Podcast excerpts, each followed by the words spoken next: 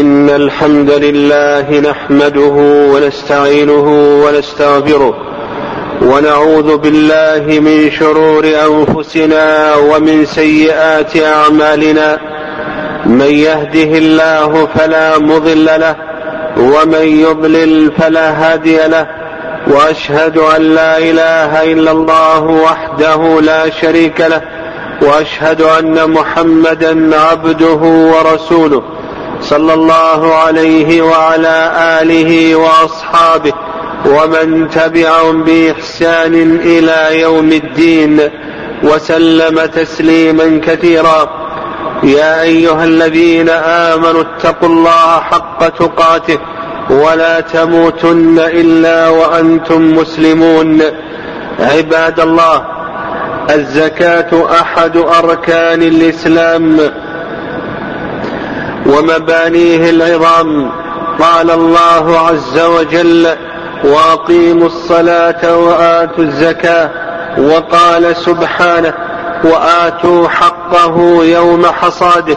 وقال سبحانه وفي أموالهم حق معلوم للسائل والمحروم. والزكاة إنما تجب في أموال خاصة.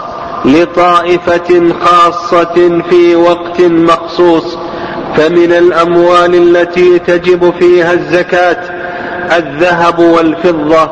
قال الله عز وجل والذين يكنزون الذهب والفضة ولا ينفقونها في سبيل الله فبشرهم بعذاب أليم. وتجب الزكاة في الذهب والفضة مطلقا. سواء أعدت للتجارة أو لم تعد لذلك ونصاب الذهب خمسة وثمانون غراما وأما الفضة فنصابها خمسمائة وخمسة وتسعون غراما من الفضة. ويستثنى من ذلك عند جماهير العلماء الحلي. فلا يجب على المرأة أن تخرج زكاة حليها الذي تست... الذي تستعمله في يديها ورجليها وصدرها. قال الإمام أحمد رحمه الله تعالى عن خمسة من أصحاب رسول الله صلى الله عليه وسلم. وأما الحلي الذي لا تستعمله المرأة يدور عليه الحول دون استعمال فالأحوط والأبرع لذمة المسلم أن يخرج زكاته. ومن الأموال التي تجب فيها الزكاة الأوراق النقدية إذا بلغت قيمتها نصاب الفضة وهو كما سبق خمسمائة وخمسة وتسعون غراما من الفضة. وقدر هذه الغرامات من الفضة اليوم بما يقارب أربعمائة ريال سعودي فمن ملك من الأوراق النقدية ما يعادل هذه الغرامات أو الريالات السعودية وهي أربعمائة كما سبق وجبت عليه الزكاة. وتجب الزكاة في هذه الأوراق حتى ولو ادخرها لحاجة من الحاجات كزواج أو شراء منزل أو شراء مركوب ونحو ذلك للعمومات. كذلك أيضا تجب الزكاة في الأجرة. إذا حال عليها الحول من حين العقد فإذا قبض الأجرة في أول العقد ثم أكلها لم يجب عليه شيء. لكن لو قبضها في أول العقد ثم تركها أو لم يقبضها إلا في آخر العقد بعد مرور عام فإنه يجب عليه أن يزكيها لحولان الحول عليها. كذلك أيضا تجب الزكاة في الديون لقول الله تعالى وفي أموالهم حق معلوم للزائل والمحروم والدين مال من الأموال. يجوز للمسلم أن يتصرف فيه بالبيع والإبراء وغير ذلك. لكن إن كان الدين على معسر أو على أو على مليء مماطل مليء مماطل فإنه لا يجب عليه أن يزكيه إلا مرة واحدة سنة قبضه. وإن كان على مليء بادل فإنه يجب عليه أن يزكيه كل عام. كذلك أيضا تجب الزكاة في أموال الأيتام والمجانين والمعتوهين. قال عمر رضي الله تعالى عنه ابتغوا في أموال اليتامى كي لا تأكلها الصدقة. وكذلك أيضا تجب الزكاة في راتب الموظف إذا حال عليه الحول لما تقدم من قوله تعالى وفي أموالهم حق معلوم. والأحسن للموظف أن يكون له وقت يخرج فيه الزكاة فينظر ما تجمع ما تجمع لديه من رواتب فيخرج ربع عشرها فإن كان هذا الراتب قد حال عليه الحول فقد أدى زكاته في حوله وإن لم يكن حال عليه الحول فقد عجل زكاته وتعجيل الزكاة جائز. كذلك أيضا تجب الزكاة في الأموال المودعة في الأموال المودعة في المصارف.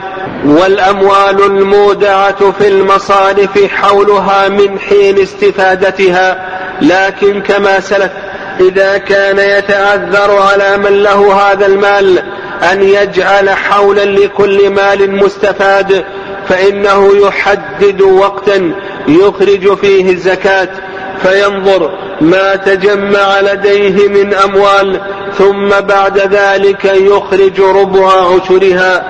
عباد الله ولا تجب الزكاة في الأموال المحرمة سواء كانت محرمة لعينها أو لكسبها. فصاحب البقالة مثلا إذا كان عنده دخان يبيعه أو كان عنده آلات محرمة فإن هذا الدخان أو الآلات المحرمة أو المجلات الفأل أو المجلات السيئة لا تقدر ولا ينظر إلى قيمتها مثل حديث أبي هريرة رضي الله تعالى عنه أن النبي صلى الله عليه وسلم قال إن الله طيب لا يقبل إلا طيبا.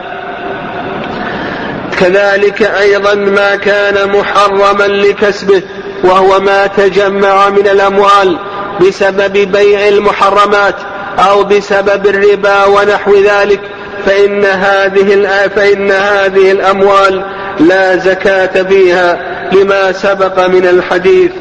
عباد الله وتجب الزكاة في عروض التجارة وهي كل ما عده المسلم للبيع والشراء من العقار والحيوان والأثاث لما تقدم من قوله تعالى والذين يكنزون الذهب والفضة ولا ينفقونها في سبيل الله فبشرهم بعذاب أليم ولورود ذلك عن الصحابة رضي الله تعالى عنهم. فيجب على أصحاب المحلات التجارية من ملابس وسيارات وأثاث ومواد غذائية أن يقوموا سلعهم بسعر البيع عند حولان الحول فإن كانوا يبيعون بالجملة قوموا بالجملة وإن كانوا يبيعون بالإفراد قوموا بالإفراد. وأما الذين يتاجرون بالتقسيط كتقسيط السيارات أو غيرها من الأثاث فإنه إذا حال الحول عليهم ينظرون إلى ما عندهم من سلع وما لهم من أموال في ذمم الناس وما تجمع من أموال في المصارف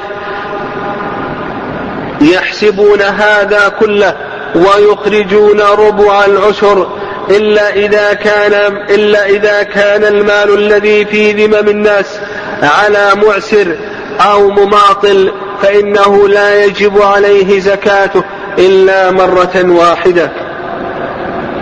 عباد الله وأما من له أسهم في بعض الشركات فإن كانت أسهم الشركة محرمة أو مختلطة فيجب عليه أن يتخلص منها فورا.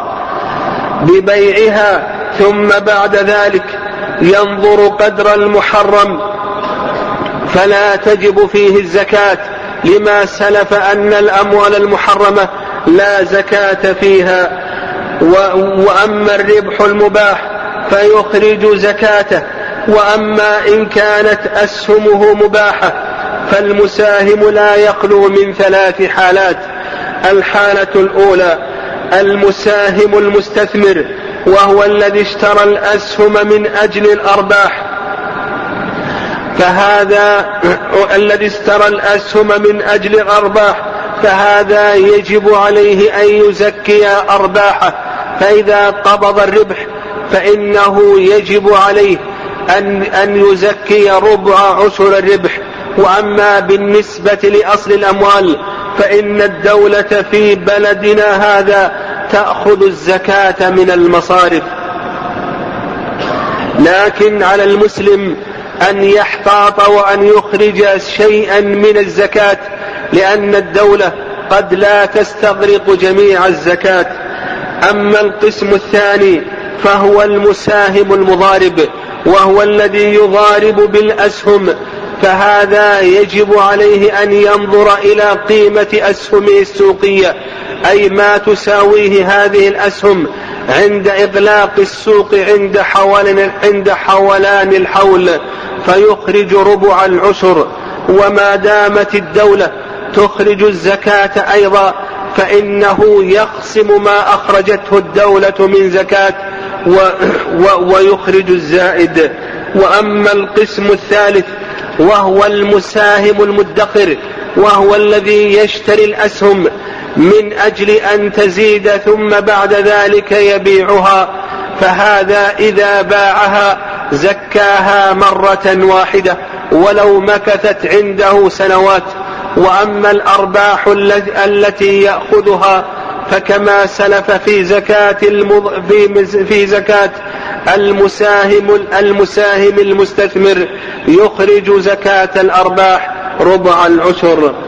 عباد الله وأما أصحاب المزارع فإنه يجب عليهم أن يخرجوا زكاة زروعهم من الحبوب سواء كانت قوتا أو لم تكن قوتا سواء كانت قوتا كحب البر والشعير والذرة والرز ونحو ذلك أو لم تكن قوتا كحب الرشاد. كذلك أيضا يجب عليهم أن يخرجوا زكاة ثمارهم كالتمر والزيتون والتين ونحو ذلك إذا بلغ ذلك نصابا وهو خمسة أوسق. وقدره بالوزن بالبر الجيد ما يزن ستمائة واثني عشر كيلو. فإذا بلغ ذلك فإنه يجب عليه أن يخرج زكاته. وقدر الزكاة في مثل بلدنا هذا هو نصف العشر.